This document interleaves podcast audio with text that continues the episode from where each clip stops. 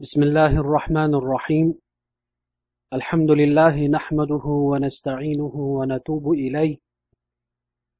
ونعوذ بالله من شرور أنفسنا ومن سيئات أعمالنا. من يهده الله فلا مضل له ومن يضلل فلا هادي له. وأشهد أن لا إله إلا الله وحده لا شريك له. وأشهد أن محمدا عبده ورسوله. صلى الله عليه وعلى آله وأصحابه ومن تبعهم بإحسان وسلم تسليما أما بعد السلام عليكم ورحمة الله وبركاته hurmatli mo'min birodarlar bugungi darsimiz shamoili muhammadiyadan to'qqizinchi dars bo'lib bu darsimizda payg'ambar sollallohu alayhi vasallamning izorlari yurish turishlari boshga soch yog'laganda kiyadigan bosh kiyimlari o'ltirishlari tayanadigan yostiqlari va birov bilan qo'ltiqlashib yurganliklarini bayon etuvchi hadislarni jamlagan boblar bilan tanishib o'tamiz. O'n sakkizinchi bob babu ma jaa fi sifati izari rasulillahi sollallohu alayhi vasallam va fihi arba'atu ahadith. payg'ambar sollallohu alayhi vasallamning izorlari haqida kelgan hadislar bobi bu bobda imom termiziy to'rtta hadisni rivoyat qiladilar bir yuz o'n to'qqizinchi hadis قال حدثنا أحمد بن منيع قال حدثنا إسماعيل بن إبراهيم قال حدثنا أيوب عن حميد بن هلال عن أبي بردة عن أبيه قال أخرجت إلينا عائشة رضي الله عنها كساء ملبدا وإزارا غليظا فقالت قبض روح رسول الله صلى الله عليه وسلم في حاذين abu burdadan rivoyat qilinishicha u zot aytadilar oysha roziyallohu anho bizga yamoq solingan chopon va dag'al bir izorni olib chiqib rasululloh sollallohu alayhi vasallam mana shu ikki kiyimda jon berganlar dedilar ya'ni butun haloyiqlarning eng afzali bo'lgan zot dunyodan mana shunday hech kim suymaydigan dag'al kiyimlarda ko'z yumgan ekanlar garchi alloh taolo u zotga katta boylik bergan bo'lsada u zot undan bir kunga yetarini olib qolganini beva bechora musulmonlarga tarqatib yuborar edilar bir yuz yigirmanchi hadis قال حدثنا محمود بن غيلان قال حدثنا أبو داود عن شعبة عن العشعس بن سليم أو سليم قال سمعت أمتي تحدث عن عمها. قال بينما أنا أمشي بالمدينة إذا إنسان خلفي يقول ارفع إزارك فإنه أتقى وأبقى. فالتفت فإذا هو رسول الله صلى الله عليه وسلم فقلت يا رسول الله إنما هي بردة ملحاء قال أما لك في أسوة فنظرت فإذا إزاره إلى نصف ساقيه ashas ibn salimdan rivoyat qilinadi u zot aytadilar ammam amakisidan hadis rivoyat qilganini eshitganman amakisi aytgan ekanki bir kuni madinada yurib keta tursam to'satdan birovni orqamdan izoringni ko'tar chunki u taqvoga yaqinroq va kiyimning uzoq qolishiga sababdir deganini eshitib qoldim. Qarasam u rasululloh sollallohu alayhi vasallam ekanlar. Men aytdimki yo rasululloh sollallohu alayhi vasallam bu mulho chopon ya'ni oq va qora chiziqlari bor chopon deyishadi sharhlovchi ulamolar. Shunda u zot mendan o'rnak olmaysanmi? dedilar. qarasam u zotning izorlari ikki baldirlarining teng yarmida ekan ya'ni tizza bilan oshiqning teng o'rtasida ekan demoqchilar bir yuz yigirma birinchi hadis قال حدثنا سويد بن نصر قال حدثنا عبد الله بن المبارك عن موسى بن عبيدة أو عبيدة عن عياس بن سلمة بن الأكوع عن أبيه قال كان عثمان بن عفان يأتزر إلى أنصاف ساقيه. وقال هكذا كانت إزرة صاحبي يعني النبي صلى الله عليه وسلم. سلمة بن الأكوع رضي الله عنه دن روايات قلنا داي تدلار عثمان رضي الله عنه إكي بلدرلرنين يارمي جيشة إزار كيار va sohibimning izorlari mana shunday bo'lgan edi deb payg'ambar sollallohu alayhi vasallamni nazarda tutar edilar bir yuz yigirma ikkinchi hadis قال حدثنا قتيبة بن سعيد قال حدثنا أبو الأحوص عن أبي إسحاق عن مسلم بن نذير عن حذيفة بن اليمان قال أخذ رسول الله صلى الله عليه وسلم بعضلة ساقي أو ساقه فقال هذا موضع الإزار فإن أبيت فأسفل فإن أبيت فلا حق للإزار في الكعبين حذيفة بن اليمان رضي الله عنه دن روايات قلنا دائت دلار payg'ambar sollallohu alayhi vasallam ikki yoki bir baldirlarining mushagini ya'ni muskulini ushlab izor o'rni shu yerdir agar xohlamasang undan pastroqqa tushirib ol bunisiga ham ko'nmasang bilib qo'yginki endi oshiqni izor bilan to'sishga haqqing yo'q dedilar. Bu hadislarda rasululloh sollallohu alayhi vasallamning izorlarini bayoni o'tishi bilan bir qatorda u zotning ummatlarga ham o'rashlik kerakligini ta'lim berganliklari ham zikr qilinmoqda. Avvalo bu izorning sifatida bir oz so'z yuritamiz izor shalvar shim yoki shu yo'sinda tikilgan kiyim bo'lmay balki beldan ostga o'raladigan matodir. O'sha davrlarda izor o'rash ko'p xalqlarning urf odatlari bo'lib jumladan arab millatining ham asosiy kiyimi rido va izor bo'lgan. Ammo hozirga kelib bu odat anchagina yo'qolib ketib ba'zi issiq o'lkalardagina qolgan. Payg'ambar sollallohu alayhi vasallam izorning ostki qismi oyoqning tizza bilan to'pig'i o'rtasida bo'lishi bo'lishi kerakligini uqtirdilar. Ulamolarning izohlari bo'yicha kishi agar izorini baldirning yarmigacha qilib olmasa ot tuya va eshak kabi miniladigan hayvonlarga chiqib olishi qiyin bo'ladi. Ayniqsa urush maydonlarida juda qattiq xalaqit beradi. Va izorni mana shunday baldirning yarmida qilib kiyish eng afzali. Agar bunga kishi ko'rmasa ozgina pastroqqa tushirib olishi mumkin. Ammo izorni to'piqni ham ustiga tushirib olib uni berkitib yurishiga payg'ambar sollallohu alayhi vasallam ruxsat bermadilar. Shuningdek shim shalvar va shu shakldagi barcha beldan ostga kiyiladigan kiyimlar to'piqni qoplamasligi kerak. Boshqa hadislarda to'piqdan osti do'zaxdadir deb buning yomonligidan ogohlantiruvchi tanbehlar ham kelgan. Usmon roziyallohu anhuning so'zlariga bir ahamiyat qiling. U zot payg'ambar sollallohu alayhi vasallamning izorlariga izorlarini o'xshatib olib sohibimning izorlari mana shunday edi deb faxrlanyaptilar. Chunki iymon ne'mati u zotni har narsada payg'ambar sollallohu alayhi vasallamga ergashadigan qilib qo'ygan edi. Hatto bu zot payg'ambar sollallohu alayhi vasallamni ko'p izorda yurganlarini ko'rganliklari uchun shalvar kiymay hayotdan izor o'rab izor o'rab o'tgan ekanlar. Faqat fitnachilarning xunrezligi bilan uylarida o'ldirilgan kunlari o'limlarini sezgan zot o'sha kuni izor ostidan shalvar ham kiyib olib agar meni o'ldirishsalar avratim ochilib qolmasin degan ekanlar.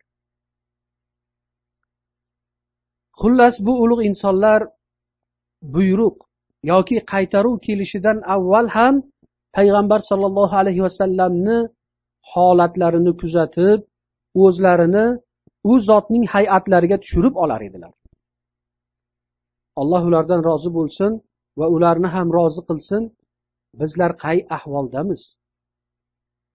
Bizlar ham shu zotlar izidan boryapmizmi?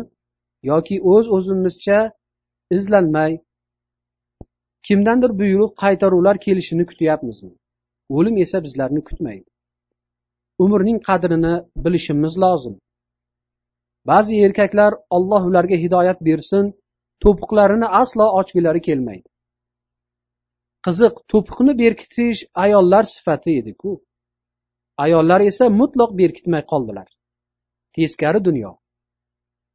Bema'ni moda chizib bergan chiziqlardan sira chiqqilari kelmaydi.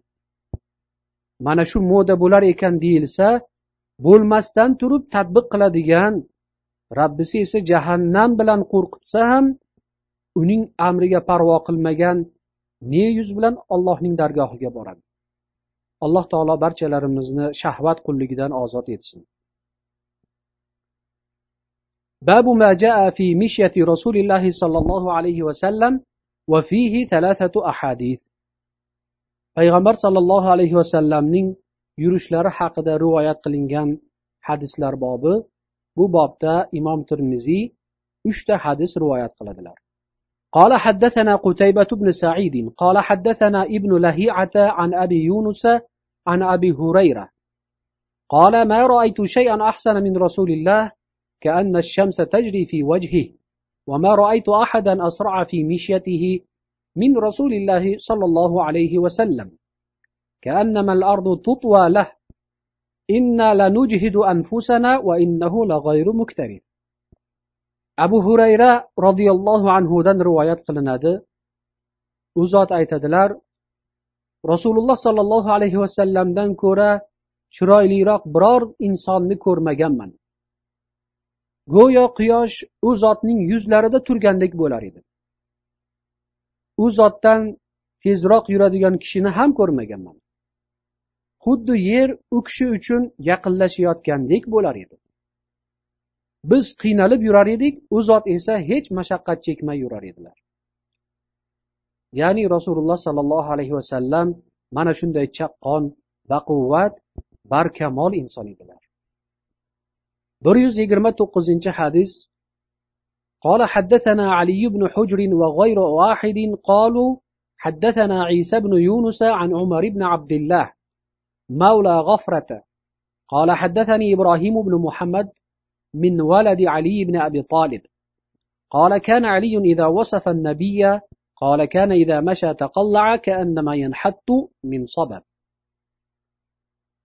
ali ibn abi tolibdan rivoyat qilinadi ali agar payg'ambar sollallohu alayhi vasallamni ta'riflaydigan bo'lsalar aytar ekanlarki payg'ambar sollallohu alayhi vasallam agar yursalar go'yo tepa qiyalikdan tushib kelayotgandek oyoqlarini yerdan yengil uzar edilar. Bir yuz yigirma beshinchi hadis. قال حدثنا سفيان بن وكيع قال حدثنا أبي عن المسعودي عن عثمان بن مسلم بن هرمز النافع بن جبير بن مطعم عن علي بن أبي طالب كرم الله وجهه قال كان رسول الله صلى الله عليه وسلم إذا مشى تكفأ تكفؤا كأنما ينحط من صبب bu hadis ham ali roziyallohu anhudan rivoyat qilinib aytadilar agar payg'ambar sollallohu alayhi vasallam yursalar xuddi tepa qiyalikdan tushib kelayotgandek oldinga moyil bo'lib yurar edilar. Ya'ni bu hadis ham avvalgi o'tgan hadisni o'zginasi lekin roviylarda farq qilganligi uchun bu avvalgi hadisga boshqa isnot bo'lib bir biriga mutobaa bo'ladi. Vallohu taala alam. باب ما جاء في تقنع رسول الله صلى الله عليه وسلم وفيه حديث واحد bundan keyingi bob yigirmanchi bob bo'lib bu bob payg'ambar sollallohu alayhi vasallam boshlariga soch bo'yashda ishlatadigan bosh kiyimlari haqida bo'lib bunda bitta hadisni rivoyat qilingan bir yuz yigirma to'qqizinchi hadis قال حدثنا يوسف بن عيسى قال حدثنا وكيع قال حدثنا الربيع بن صبيح عن يزيد بن أبان عن أنس بن مالك قال كان رسول الله صلى الله عليه وسلم يكثر القناع كأنما ثوبه ثوب زيات anas ibn molikdan rivoyat qilinadi aytadilar rasululloh sollallohu alayhi vasallam boshni yog'laganda boshga kiyadigan bosh kiyimlarini juda ham ko'p ishlatar edilarki hatto u yog'chining kiyimiga o'xshab qolgan edi yog'chidan murod sharhlovchi ulamolar aytishlariga qaraganda yog' sotuvchi yoki yog' ishlab chiqarish bilan shug'ullanadigan kishi. Babu majaa fi jilsati rasulillahi sollallohu alayhi vasallam va fihi thalathatu ahadith. Keyingi bob payg'ambar sollallohu alayhi vasallamni o'ltirishlari haqidagi bob bo'lib bunda imom termiziy uchta hadisni rivoyat qiladilar. Bir yuz yigirma yettinchi قال حدثنا عبد بن حميد. قال أنبأنا عفان بن مسلم. قال أخبرنا عبد الله بن حسان عن جدده عن قيلة بنت مخرمة أنها رأت أنها رأت رسول الله صلى الله عليه وسلم في المسجد وهو قاعد القرفصاء. قالت فلما رأيت رسول الله صلى الله عليه وسلم المتخشع في الجلسة أرعدت من الفرق.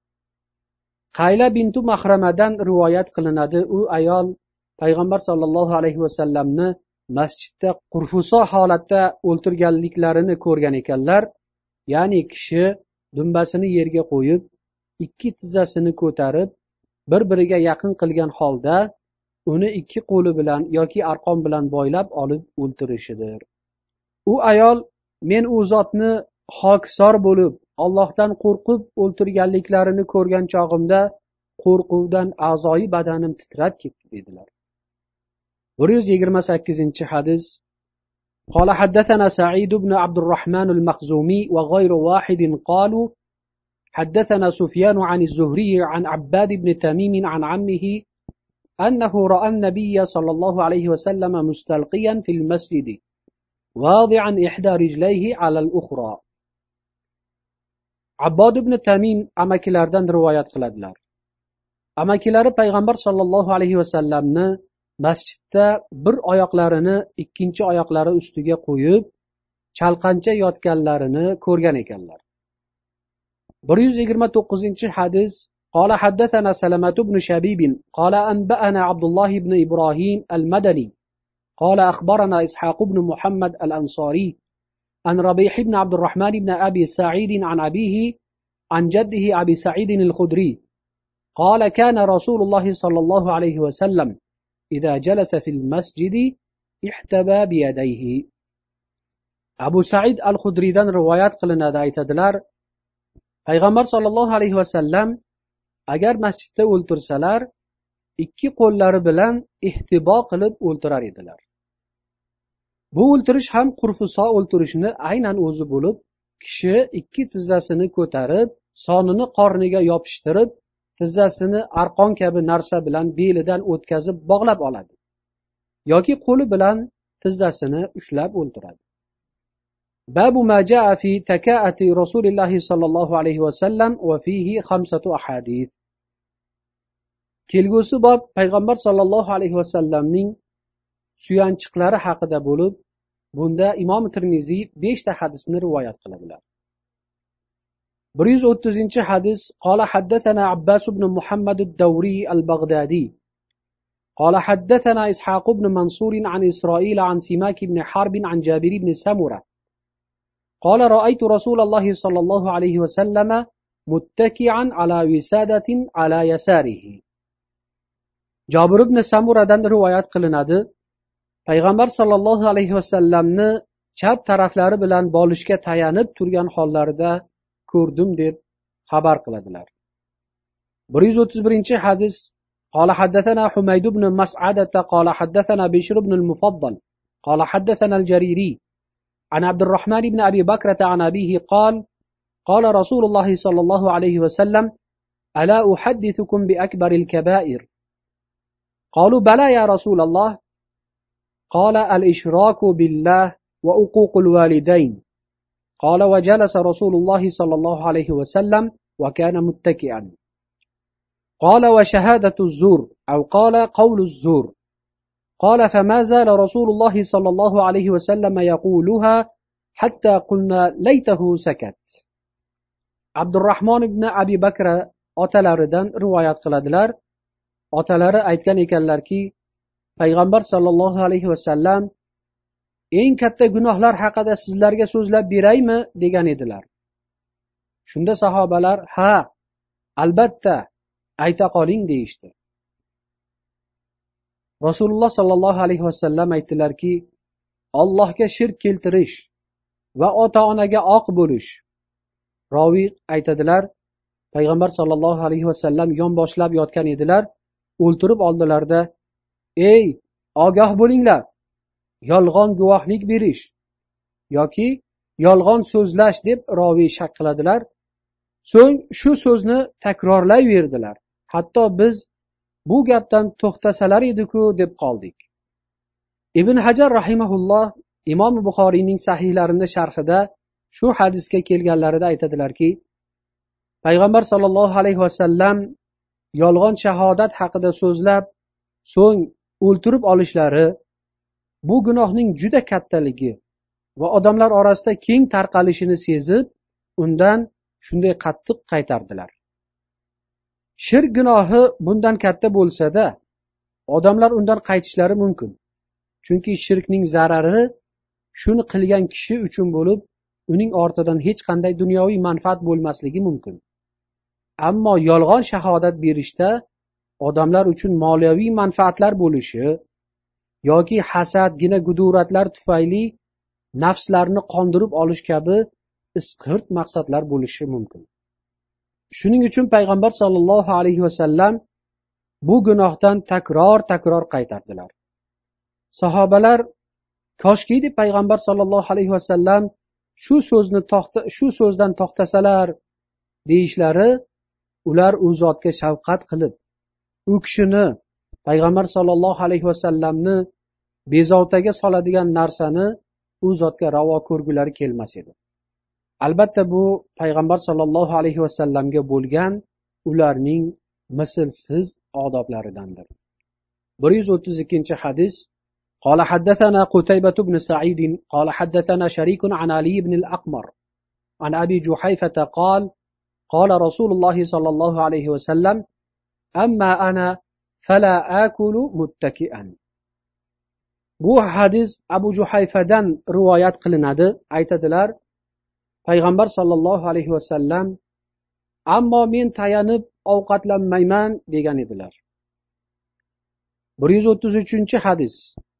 قال حدثنا محمد بن بشار قال حدثنا عبد الرحمن بن مهدي قال حدثنا سفيان عن علي بن الأقمر قال سمعت أبا جحيفة يقول قال رسول الله صلى الله عليه وسلم لا آكل متكئا bu hadis ham abu juhayfadan rivoyat qilinishicha aytadilarki payg'ambar sollallohu alayhi vasallam men tayanib ovqatlanmayman deganlar ya'ni bu hadislardan musulmon kishi ovqatlangan vaqtda qo'lini yerga yoki stolga og'irligini vazmi og'irligini bosib qo'yib tayanib ovqatlanishligi mumkin emasligi kelib chiqadi. bir yuz o'ttiz to'rtinchi hadis. قال حدثنا سفيان بن عيسى قال حدثنا وكيع قال حدثنا إسرائيل عن سماك بن حرب عن جابر بن سمرة قال رأيت النبي متكئا على وسادة قال أبو عيسى لم يذكر وكيع على يساره وهكذا روى غير واحد عن إسرائيل نحو رواية وكيع ولا نعلم أحدا روى فيه على يساره إلا ما روى إسحاق بن منصور عن إسرائيل jobir ibn samuradan rivoyat qilinadi bu hadis u zot aytadilar payg'ambar sollallohu alayhi vasallamni bolishga yonboshlab tayangan hollarida ko'rdim imom termiziy aytadilarki vaki chap taraflari bilan deb zikr qilmagan Shuningdek ko'pchilik isroildan vakiyning rivoyatidek rivoyat qilgan bunda chap taraflari bilan deb birovni rivoyat qilganini bilmaymiz. Faqat ishoq ibn mansurning isroildan bo'lgan rivoyatini bilamiz xolos deb marhamat qiladilar. Babu ma jaa fi ittikai rasulillahi sollallohu alayhi vasallam va fihi hadithan. Bu darsimizdagi oxirgi bob rasululloh sollallohu alayhi vasallam birov bilan qo'ltiqlashib yurishlari haqida bo'lgan hadis bunda imom termiziy ikkita hadisni rivoyat qiladilar bir yuz o'ttiz beshinchi hadis قال حدثنا عبد الله بن عبد الرحمن قال حدثنا عمرو بن عاصم قال حدثنا حماد بن سلمة عن حميد عن أنس رضي الله عنه أن النبي صلى الله عليه وسلم كان شاكيا فخرج يتوكل على أسامة بن زيد وعليه ثوب قطري قد توشح به فصلى بهم anas roziyallohu anhudan rivoyat qilinadi aytadilar payg'ambar sollallohu alayhi vasallam bir kuni kasal bo'lib usomat ibn zayd bilan qo'ltiqlashib uylaridan chiqdilar egnilarida qatariy qatar diyorlaridan keltirilgan cho'pon bor edi unga o'ranib olgan edilar Keyin jamoatga imom bo'lib namoz o'qib berdilar. bir yuz o'ttiz oltinchi hadis. قال حدثنا عبد الله بن عبد الرحمن قال حدثنا محمد بن المبارك قال حدثنا عطاء بن مسلم الخفاف الحلبي قال حدثنا جعفر بن برقان أو برقان عن عطاء بن أبي رباح عن الفضل بن عباس قال دخلت على رسول الله صلى الله عليه وسلم في مرضه الذي توفي فيه وعلى رأسه عصابة صفراء فسلمت عليه فقال يا فضل قلت لبيك يا رسول الله قال أشدد بهذه العصابة رأسي. قال ففعلت ثم قعد فوضع كفيه على منكبي. ثم قام فدخل في المسجد وفي الحديث قصة. fazl ibn abbos roziyallohu anhudan rivoyat qilinadi aytadilar payg'ambar sollallohu alayhi vasallam o'lim to'shagida yotgan vaqtlari men u zotni ziyorat etish maqsadida oldilariga kirdim.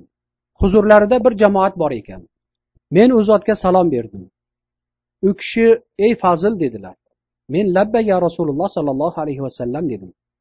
Shunda u zot bu latta bilan boshimni bog'la dedilar. Men bog'lab qo'ydim. So'ng o'ltirib oldilarda meni yelkamga qo'llarini qo'yib o'rnilaridan turib masjidga chiqib ketdilar. roviy hadisda anchagina qissa bor edi deydilar. Lekin bu yerda qisqartirib rivoyat qilingan bizlar ham darsimizni mana shu yerda qisqartirib alloh taolodan garchi amallarimiz oz bo'lsa ham soz va davomiy bo'lishini so'rab qolamiz. Va robbil alamin. Assalomu alaykum va rahmatullohi va barakatuh.